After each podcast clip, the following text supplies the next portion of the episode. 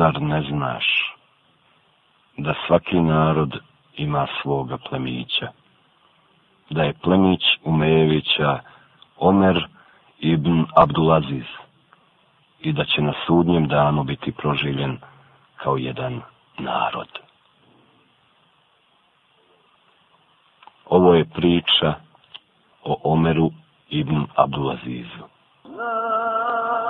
Govoriti o pobožnom i krajnje skromnom, petom od pravednih vladara u islamu, Omeru ibn Abdulazizu, ugodnije je nego mirisati mošus i prijatnije nego se šetati kroz predijele perivoja. Jer takva čestitost i besprijekorno čisti životni put rijetko se mogu sresti. On podsjeća na bujnu oazu u kojoj gdje god da odsjedneš, na bujno zelenilo mirisno cvijeće i zrele plodove nećeš. Ako već nismo u stanju prošetati se cijelim njegovim životnim putem koji se penje i ukašava sami vrh povijesti islamskog svijeta, onda se možemo svratiti u bašću i ubrati makar jedan mirisni cvijet i osjetiti sjaj i ljepotu njenih predjela jer to što se nešto u potpunosti ne može dokučiti ne znači da ga u potpunosti treba ostaviti. Zato ćemo se ovdje upoznati samo sa tri kratke crte iz Omera Ibn Abdulazizova života, ostavljajući priliku za ostale, ako Bog da, za neku drugu kraljevu.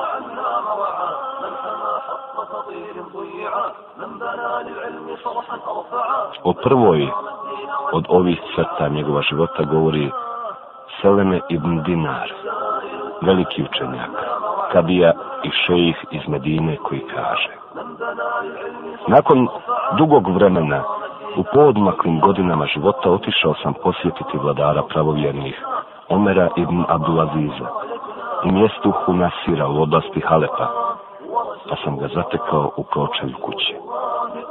Bio se toliko promijenio otkako sam ga zadnji put vidio dok je još bio namjesnik u Medini, da ga nisam prepoznao. Pa mi je, prepoznavše on mene, izrazio srdačnu dobrodošlicu i rekao Bujrum, Ebu Hazime! Pošto sam mu prišao bliže, opitao sam ga.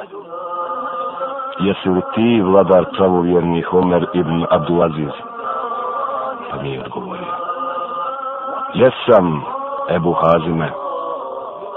šta je to s tobom bilo? Pitao sam. Šta si to uradio sa blistavim licem, sa kao rosom nježnom kožom? Zar ti život nije udoban bio?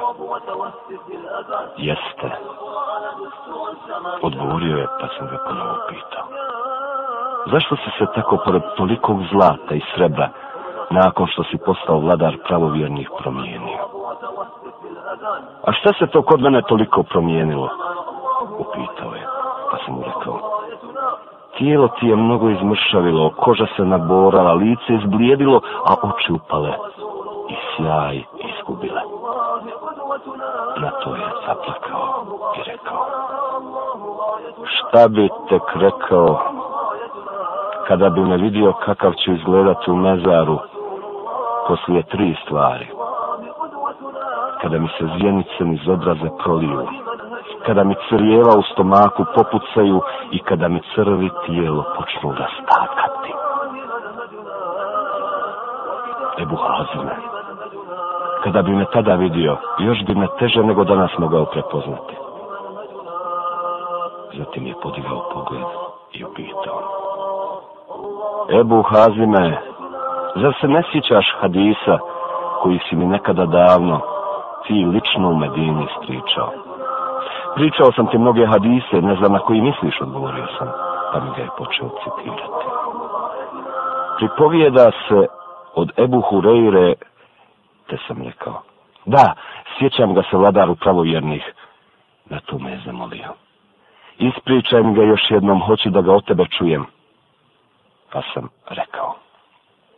Čuo sam Ebu Hureyru kada je rekao, čuo sam Allahova poslanika sallallahu alejhi ve sellem da je rekao Svakoga od vas čeka teška prepreka koju će uspješno savladati samo oni koji su se kroz ibadet i borbu iscrpili. Pa je Omer tako žestoko zaplakao da sam se pobojao da mu od straha džigarica ne pukne. Potom je obrisao suze okrenuo se prema meni i upitao me. Ebu Hazime, prekoravaš li me i dalje, što sam zbog te prepreke ovako izmršavio u nadi da će se spasiti, iako još uvijek nisam siguran da ću to uspjeti.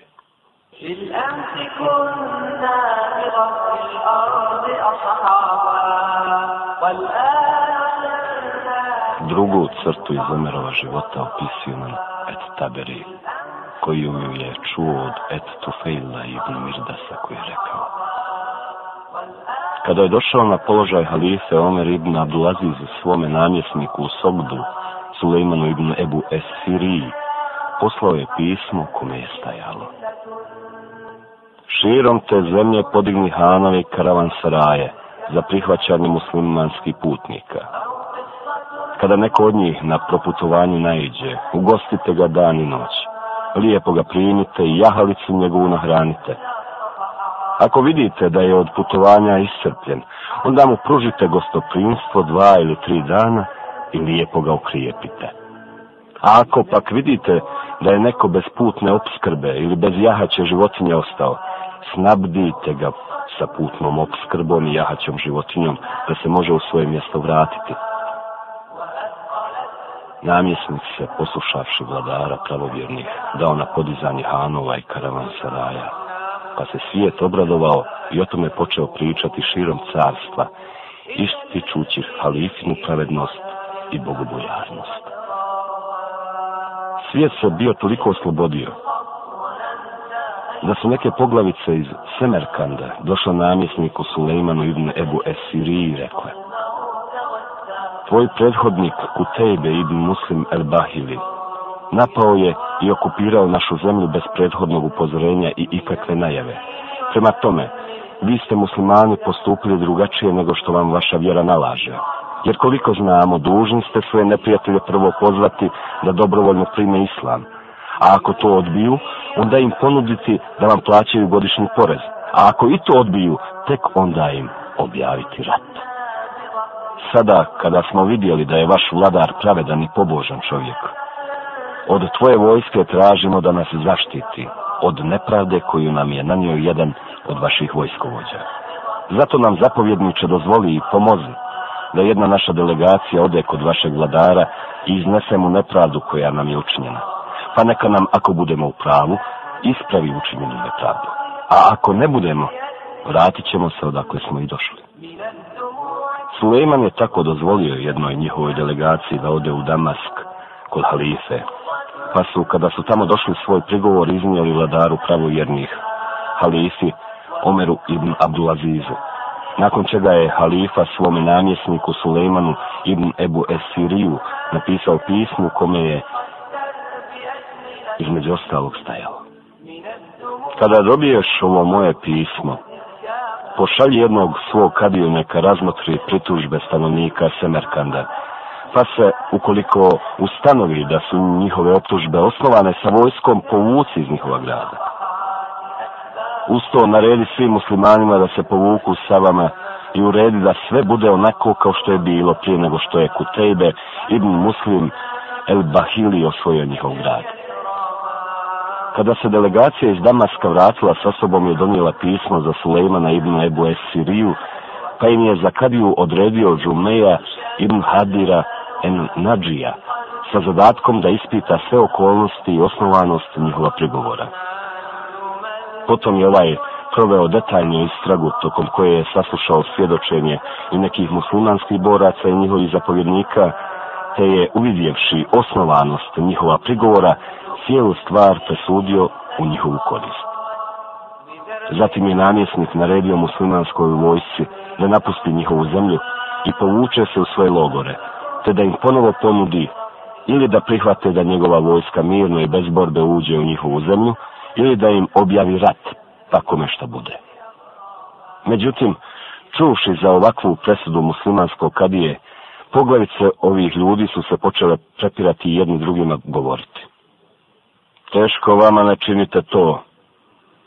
Nakon što ste ove ljude upoznali, sa njima zajedno toliko proveli i u njihovu se pravednost i istinoljubivost na dijelu uvjerili, nego pustite neka ovdje ostanu i sa vama u dobrosusjedskim odnosima u miru žive i rade svoj posao. Pa je tako i odlučeno. Oh, oh, oh.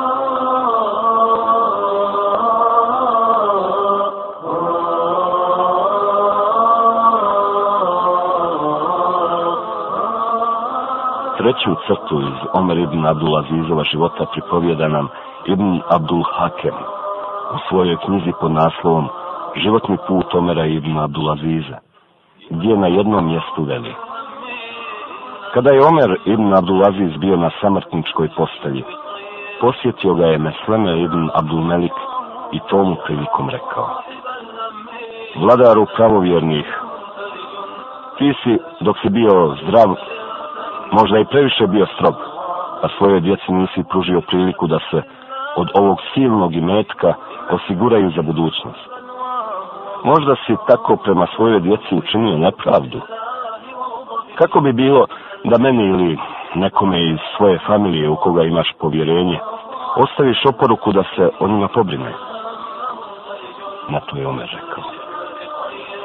Pomozite mi da se malo pridignem pa su ga podigli da sjednu, a onda je rekao Mesleme, ja sam tebe pažljivo saslušao, a sada ti saslušaj mene. Prvo, tačno je da sam svojoj djeci uskratio zajednički imetak svih muslimana, ali tako mi Allaha ni u čemu nisam ni oštetio, ni nagradio mimo ostalu muslimansku djecu. Drugo, to što veliš da tebi ili nekome drugom iz svoje familije ostavim oporuku da se za njih pobrine, ni za to ne vidim nikakve potrebe, jer brigu sam o njima prepustio Allahu, koji je ovu knjigu objavio i mimo koga nema boljeg zaštitnika ni skrbnika. Treće, mislime, zapamti da pred mojom djecom stoje dva izbora – ili da budu čestiti i bogobojazni, pa će ih Allah iz svoje neiscrpne riznice dobra pomoći i iz svaki nevolje izlaz dati, ili da budu nevaljali i prema Allahu nezahvalni. Zato ni po koju cijenu nisam želio da ih i metkom zavaravam i tako budem prvi koji će ih na neposlušnost i nezahvalnost prema Allahu navesti. Zatim je rekao, pozovite mi djecu neka uđu. Pa su ih pozvali i svih četrnaestora je poslušno došlo. Kada ih je tako pored sebe poredane ugledao, nije mogao da ne zaplače. Potom je rekao, evo te djece, ništa im od imetka ne ostavlja. Zatim se prema njima okrenuo i kroz plač dodao djeca moja. Ipak vam ostavljam jedno bogatstvo, jer ni pored koga, ni muslimana, ni nemuslimana, nećete naići da će vam reći da je vaš otac prema njima nešto dužan ostao. Već obrnuto, da ih je vaš otac nekim dobrom zadužio. Djeca moja, pred vama su dva izbora, ili da tražite bogatstvo, pa da tako svoga oca u džehennem otjerate, ili da se pomirite sa siromaštvom, pa da tako svome ocu pomognete da uđe u džehennem. Ne mogu povjerovati da bi neko od vas odabrao bogatstvo nad siromaštvom i svoga oca gurno u vatru. Zatim se pažljivo okrenuo prema njima i rekao Čuli ste moju oporuku i sada se možete učiniti Allah vas sačuvao i iz svoje hazne nagradio, razići. Na to se Mesleme prema njima okrenuo i rekao, Vladaru pravovjernih, ja imam nešto bolje od toga. Reci šta je to, upitao je. Vladaru pravovjernih, rekao je, ja imam svojih tri stotine hiljada dinara, pa kako bi bilo da ti ih poklonim?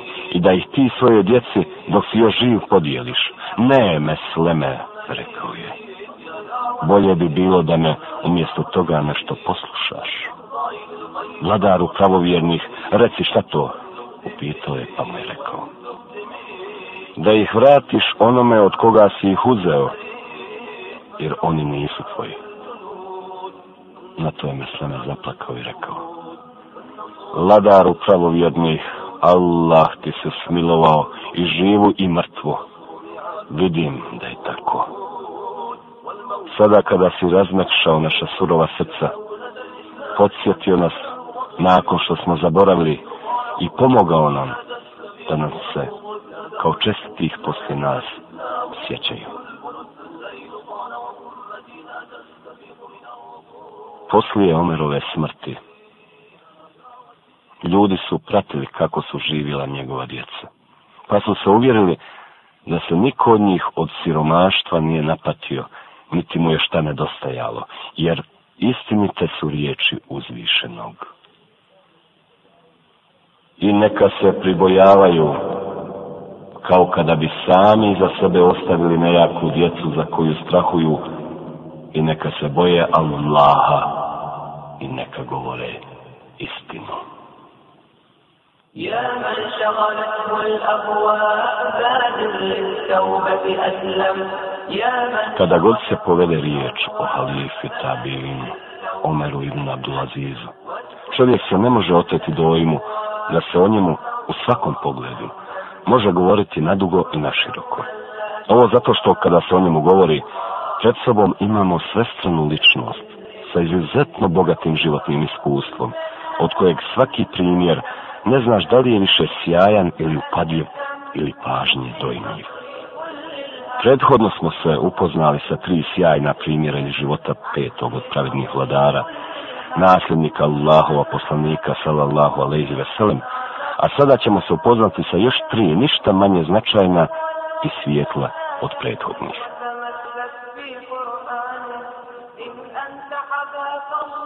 O prvom primjeru govori jedan od najpoznatijih pustinskih pjesnika i recitatora kasida napisanih u Redžizu, Dukein ibn Seyd Edarimi, koji kaže U jednoj svojoj pjesmi pohvalio sam Obera ibn Abdulaziza dok je još bio namjesnik u Medini, pa je naredio da mi se kao nagrada da 15 najboljih deva od najplemenitije pasmine. Kada su mi predate, pogledao sam ih pa su mi se toliko dopale da ih izbojaze za njih. Nisam htio da sam krećem na daleki put kroz pustinske zabiti, a nisam bio voljan ni da ih prodam. I dok sam se tako odvoumio što da učinim, iznenada je naišla jedna družina koja je namjeravala krenuti na put ka našem mjestu u Neždu. Zamolio sam ih, bili i ja mogao sa njima krenuti, pa su mi rekli, dobro došao u našu družinu, Mi krećemo noćas, pa ako misliš sa nama, spremi se i kreni. Prije nego ćemo krenuti, otišao sam da se oprostim s Omerom ibn Abdulazizom, pa sam kod njega zatekao dvojicu staraca koje nisam poznavao. Kada sam htio da se sa njima rastanem i krenem, Omer se prema mene okrenuo i rekao, Dok krenem, imam jednu veliku želju, Zato ako nekada čuješ da sam dospio na viši položaj od onoga koji danas uživam, dođi i ponovo me posjeti. Od mene te čeka velika nagrada i dobročinje. Namjesniče, hoću svjedoka za ovo što si obećao, rekao sam. Na to mi on rekao. Uzimam za svjedoka uzvišenog Allaha za ono što sam obećao. Na to sam dodao hoću za svjedoka i nekoga od njegovih stvorenja, pa mi je rekao, evo, ova dva starca. Na to sam prišao jednom od njih i tako je ovaj. Svoga oca i majku bih za tebe žrtvovao. Reci mi kako se zoveš, da bi znao ko si ti. Ja sam Salim sin Abdullahov, sina Omera ibn El-Hattaba, odgovorio je. Na to sam se okrenuo prema namjesniku i rekao, Imao sam sreću da za svjedoka dobijem svima poznata i ugledna čovjeka. Zatim sam se okrenuo, pogledao u drugog starca i upitao. I za tebe bih se žrtvovao. Reci mi, ko si ti? Na to mi je odgovorio. Ja sam Jahija, namjesnikov oslobođeni rob. Onda imam za svjedoka i čovjeka između njegove čeljadi, odgovorio sam. Zatim sam se oprostio i sa devama krenuo nazad ka svojima u nečet. Od ovih deva Allah mi je dao toliki bereket da su se toliko namnožile i da sam zahvaljujući njima stekao veliki metak i brojne sluge.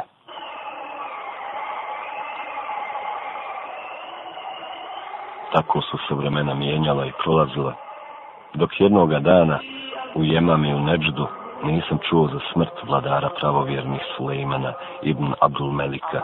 Kada sam onoga koji mi je to prvi ispričao pitao, ko je posle njega prezao mjesto halife?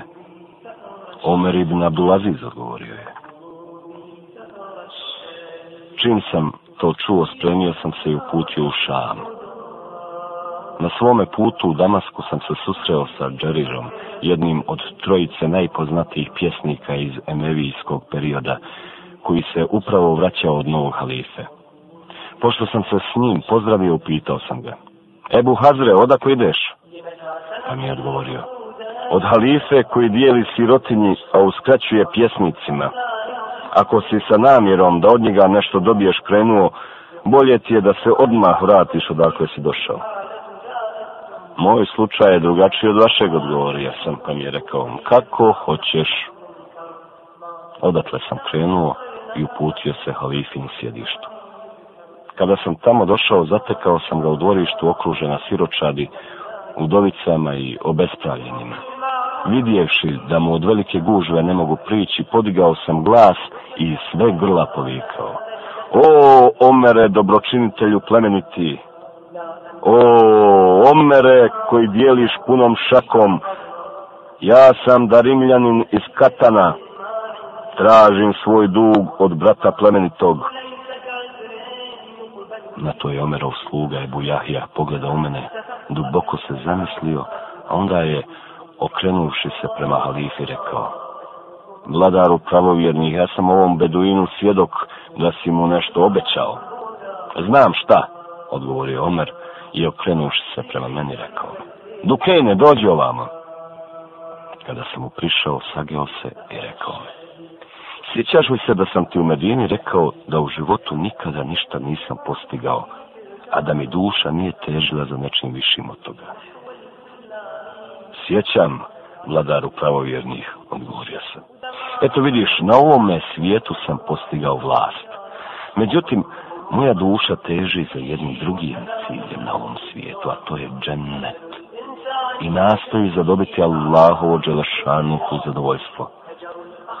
Iako vladari svoju vlast koriste da bi pomoću nje ostvarili svoje ovo svjetske ciljeve, ja ću je pokušati iskoristiti da pomoću nje ostvarim svoj cilj i slavu na onome svijetu. Zatim je rekao, Dukejne, tako mi Allaha, otkako sam preuzeo hilafet, nikada ni jednog muslimana nisam oštetio, ni za jedan jedini dirhem ili dinar, a da mu ga nisam dao, ako je bio njegov. Tako mi Allaha, nemam više od hiljadu dirhema, pa uzmi pola, a pola ostavi meni. Tako je i bilo. Uzeo sam novac koji mi je dao i tako mi Allaha, nikada nisam ništa vidio da je bilo bereketnije od nje. O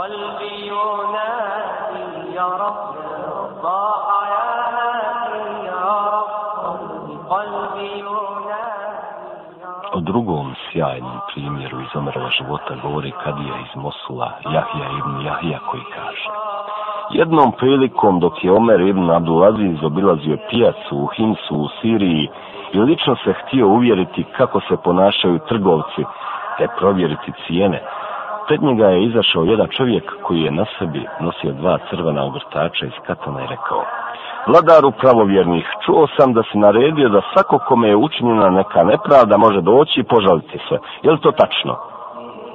Jeste, tačno je, odgovorio je Omer. Eto, onda pred sobom imaš čovjeka kome je učinjena nepravda i koji je izdaleka došao do tebe da ti se požali, rekao je. Odakle su tvoji? Upitao je Omer. Izabena, odgovorio čovjek.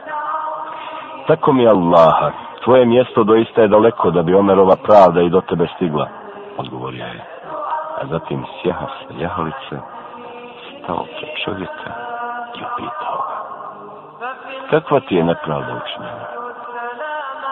Imao sam posjed koji mi je preoteo i za sebe prisvojio čovjek koji se poziva na tebe i svoje rodbinske veze sa tobom, odgovorio čovjek. Čuši to, Omer je uzeo i napisao pismo svome namjesniku Adenu, Urvi i Muhammedu, u pismu je stajalo. A potom, kada dobiješ ovo moje pismo, saslušaj šta ti ima reći čovjek po kome ti ga šalje. Pa ako vidiš da je istina ono što priča i da mu je učinjena nepravda, odmah ispravi nepravdu i vrati mu njegovo pravo. Potom je Omer stavio svoj pečat na pismo i predao ga spomenutom čovjeku da ga uruči namisniku. Kada je ovaj htio krenuti, Omer ga je zaustavio i rekao mu, polahko, ti si došao iz dalekog kraja. Mora da si na svome putu potrošio mnogo svojih sredstava, poderao odjeću i obuću, a možda i iscrpio jahalicu. Zatim je to sve obračunao izračunao da to iznosi 11 dinara, pa ih je u gotovini isplatio čovjeku dodavši. Slobodno o ovome na sve strane priča je među svijetom, kako se niko, makoliko bio daleko od danas više ne bi istočavao potražiti svoje pravo i ispraviti nepravdu koja mu je nanesena. Sazdahni, sazdahni, sazdahni,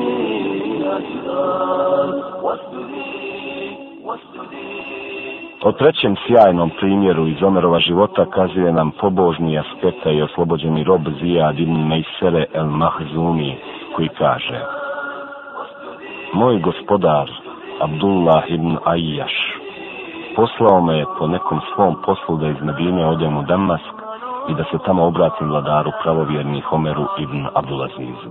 Između mene i Omera Bilo je staro prijateljstvo još od dana kada je Omer bio namjesnik u Medini. Kada sam ušao kod njega, zatekao sam ga sa pisarem kome je diktirao neko pismo. Čim sam ih ugledao, odmah s vrata sam im nazvao selam, pa mi je on odgovorio Ve aleikumu selam ve rahmetullah iz Iade. Zatim sam se, budući da ga nisam oslovio sa vladaru pravovjernih, stidljivo uputio prema njemu, pa sam mu Kada sam mu prišao, ponovo nazvao selam riječima vladaru pravovjernih Esselamu alejke ve rahmetullahi te allave berekatuhu. Na što mi je on odgovorio? Zijade, ništa ti nisam zamirio.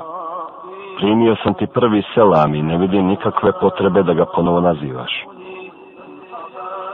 Za to vrijeme njegov pisar upravo je čitao neke pritužbe koje su poštom bile pristigle iz Basre, pa mi je rekao, Zijade, sjedi i sačekaj samo malo dok ovo ne završim. Pa sam sjeo na trag od vrata i slušao pisara kako čita, a Omer duboko uzvišao od brige. Kada je pisar završio sa čitanjem pritužbe i otišao sa svojim poslom, Omer je ustao sa svoga mjesta, prišao mi i sjeo pred mene ispred vrata. vrata. Potom je svoju ruku stavio na moje koljeno i rekao mi, dobro došao u zijade.